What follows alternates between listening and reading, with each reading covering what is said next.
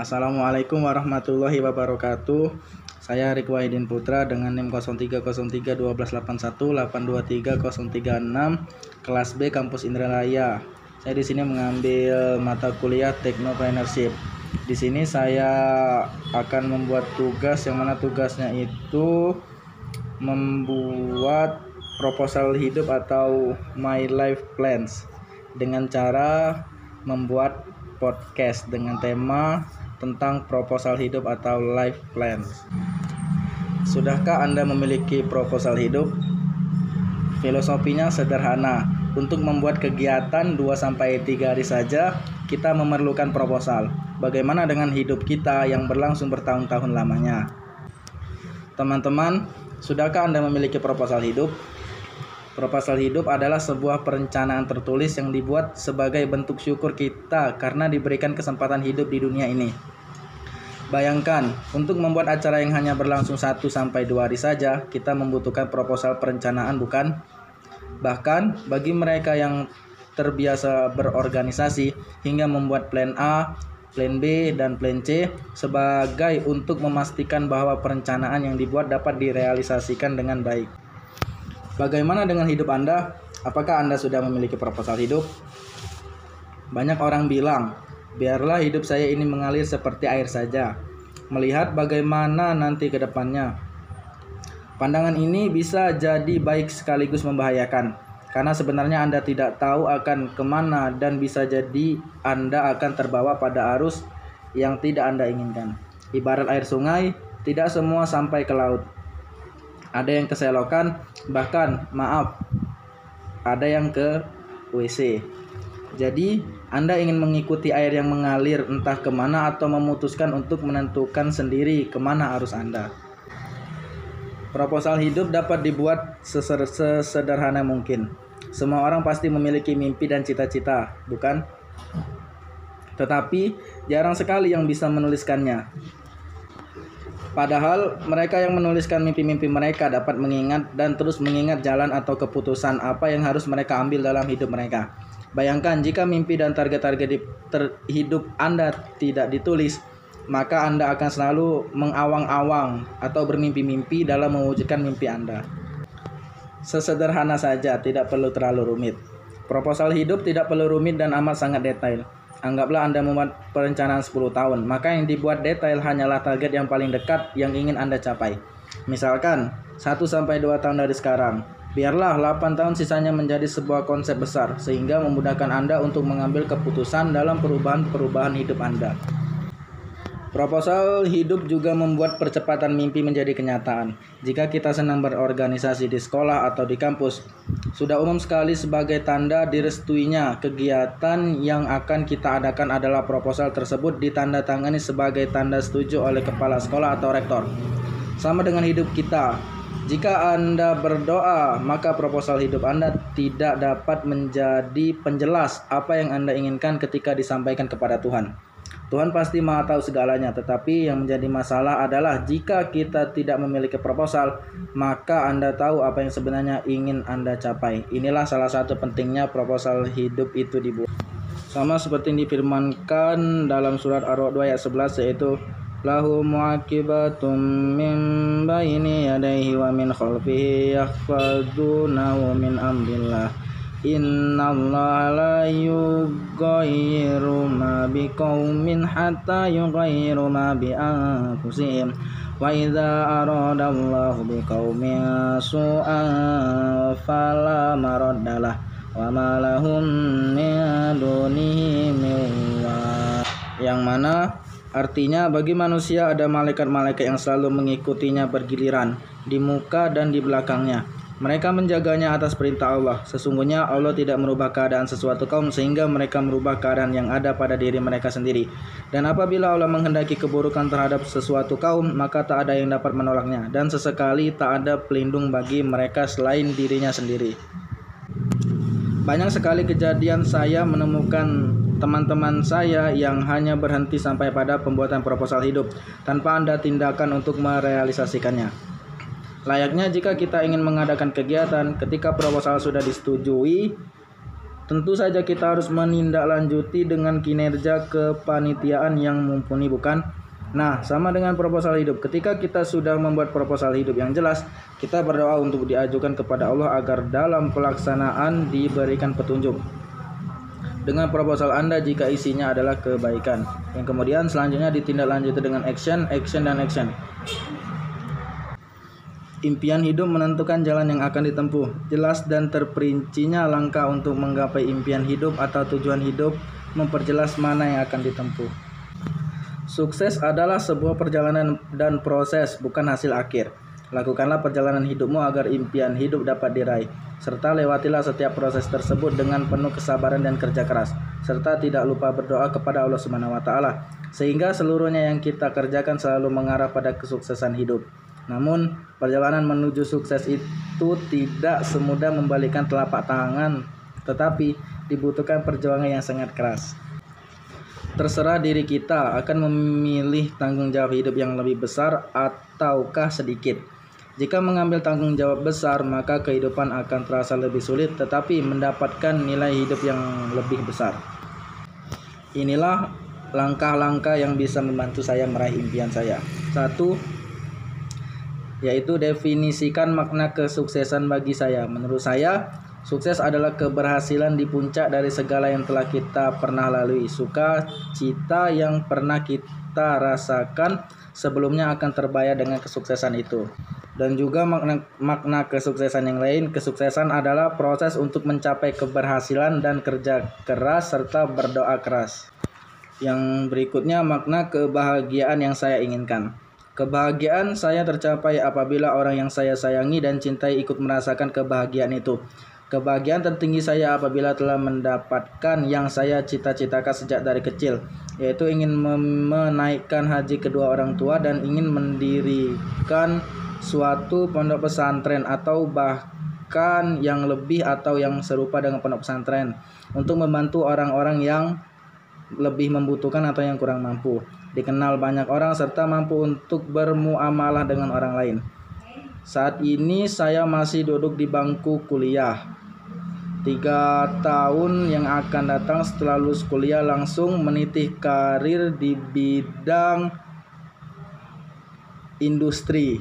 Gaji yang saya dapatkan dari pekerjaan saya itu kemudian akan saya bagi untuk menjadi modal untuk membangun sebuah pondok pesantren. Yang berikutnya yang membuat saya bersemangat meraih impian hidup. Satu, ingin membahagiakan orang tua dengan prestasi saya dan dengan akhlak saya. Dua, ingin belajar tentang nilai-nilai dari kehidupan ini. Empat, hidup sejahtera dunia dan akhirat. Lima, motivasi yang diberikan dosen pada saat bekerja nantinya. Mimpi besar saya saat ini, saat ini mimpi yang paling besar saya miliki adalah membahagiakan kedua orang orang tua saya itu yang paling utama dalam hidup saya ini. Yang kedua, lulus dengan nilai terbaik dan bekerja dengan atau di tempat yang telah saya cita-citakan selama ini. Ingin memiliki lembaga pendidikan yang termasuk pesantren tadi. Yang ke selanjutnya ingin mengajarkan ilmu yang telah saya dapat ingin bermanfaat bagi orang lain, ingin mempunyai keluarga yang sakinah, mawadah warohmah dan menjadi imam bagi keluarga dan hasil akhir kehidupan ini saya serahkan kepada Yang Maha Kuasa. Yang berikutnya perencanaan tahap demi tahap. Untuk mendaki puncak gunung terlebih dahulu kita harus melewati lembah. Saya tidak dapat memperoleh langsung kesuksesan yang saya harapkan. Misalnya jika saya ingin menjadi petinju nasional, saya perlu untuk mencari klub berlatih dahulu. Bukan demikian halnya dengan kesuksesan yang saya inginkan. Yang terakhir adalah berdoa. Meski saya telah bekerja, berdoa adalah hal yang tidak mungkin saya lupakan. Saya tidak melupakan Allah taala dalam segala perencanaan saya untuk mencapai kesuksesan hidup. Karena Allah taala yang memiliki masa depan dan kesuksesan saya di masa yang akan datang. Jadikanlah impian hidup sebagai motivasi untuk meraih kesuksesan dan menjadikan doa sebagai senjata terampuh untuk menemani dalam perjalanannya. Selanjutnya di sini saya akan mengajak teman saya untuk mengenal atau mengetahui tentang lebih lanjutnya proposal hidup saya yang namanya yang namanya Rizka Adelia. Dipersilakan kepada saudari Rizka Adelia untuk bertanya. Perkenalkan, nama saya Rizka Adelia. Di sini saya akan bertanya kepada saudara Arik tentang proposal hidup.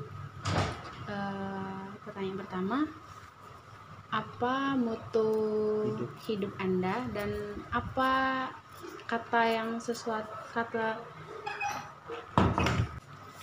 Nah, apa sih kata yang mem, yang memotivasi diri Anda?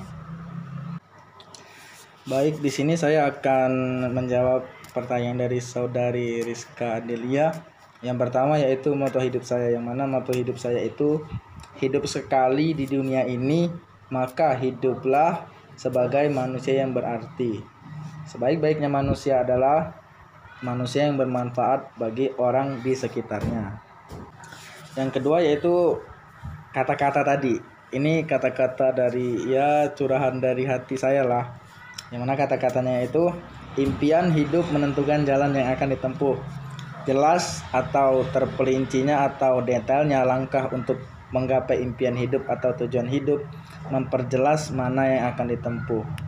Jadi intinya ya jalan yang kita tempuh atau yang kita tuju di masa depan itu ya kita yang menentukan sendiri bukan orang lain yang menentukan. Jadi percayalah pada omongan kita sendiri jangan kepada omongan orang lain.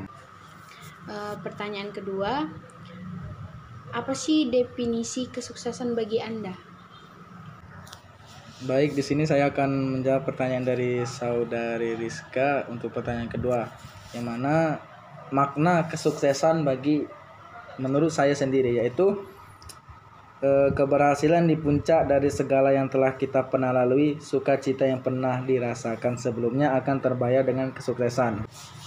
Ibaratnya seperti kita akan menaiki atau mendaki sebuah gunung yang mana kita bersusah payah terlebih dahulu dalam mendaki gunung tersebut. Dan apabila kita telah mencapai kepada puncaknya maka kepuasan diri sendiri itu didapat karena ya ada beberapa aspek yang membuat diri itu bahagia. Contohnya misalnya keindahan dari atas puncak gunung tersebut dan lain sebagainya uh, untuk pertanyaan ketiga setelah anda mendefinisikan tentang kesuksesan tersebut langkah apa yang anda ambil untuk ke depannya saya di sini akan menjawab pertanyaan yang ketiga dari saudari Rizka. E, mimpi besar, mimpi yang paling besar bagi saya itu pertama membahagiakan kedua orang tua, yang kedua lulus dengan nilai yang terbaik, yang ketiga, yang ketiga bekerja pada instansi yang mendukung atau yang telah dicita-cita ke sebelumnya. Yang selanjutnya ingin membuat pondok pesantren atau lembaga pendidikan lainnya. Yang berikutnya ingin bermanfaat bagi orang lain. Yang terakhir yaitu ingin mempunyai keluarga yang sakinah, mawadah, warohmah dan menjadi imam bagi keluarga. Dan hasil akhir kehidupan ini saya serahkan kepada yang maha kuasa dan juga saya akan mengamalkan ilmu yang sudah saya dapat yang dari ilmu kuliah ataupun dari ilmu pondok pesantren yang pernah saya belajari atau saya dalami sewaktu saya SMA dulu. Seperti yang dijelaskan pada hadis rawahu Bukhari yaitu baligu ani walau ayah yang mana artinya sampaikanlah dariku walau hanya satu ayat. Jadi sudah jelas walaupun walaupun ilmu yang kita dapat itu kecil atau sedikit ya kita harus menyampaikan ilmu tersebut karena ilmu itu wajib disampaikan atau disebarkan.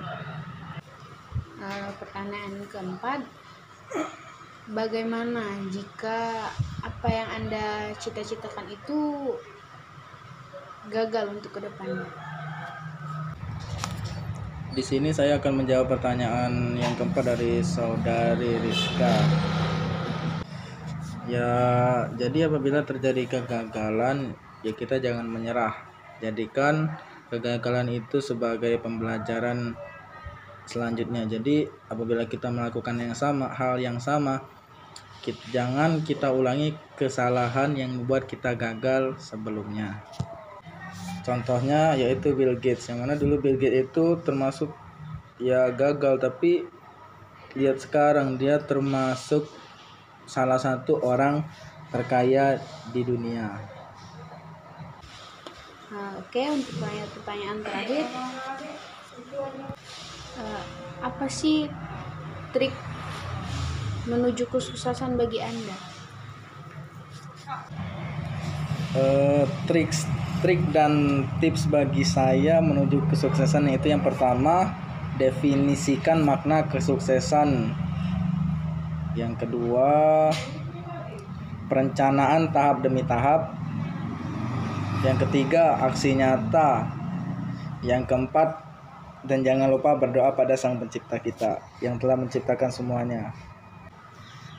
Terima kasih dan itulah sedikit uh, tentang atau mendeskripsikan tentang proposal hidup saya dan juga sedikit sesi tanya jawab dari teman saya yaitu Rizka Adelia.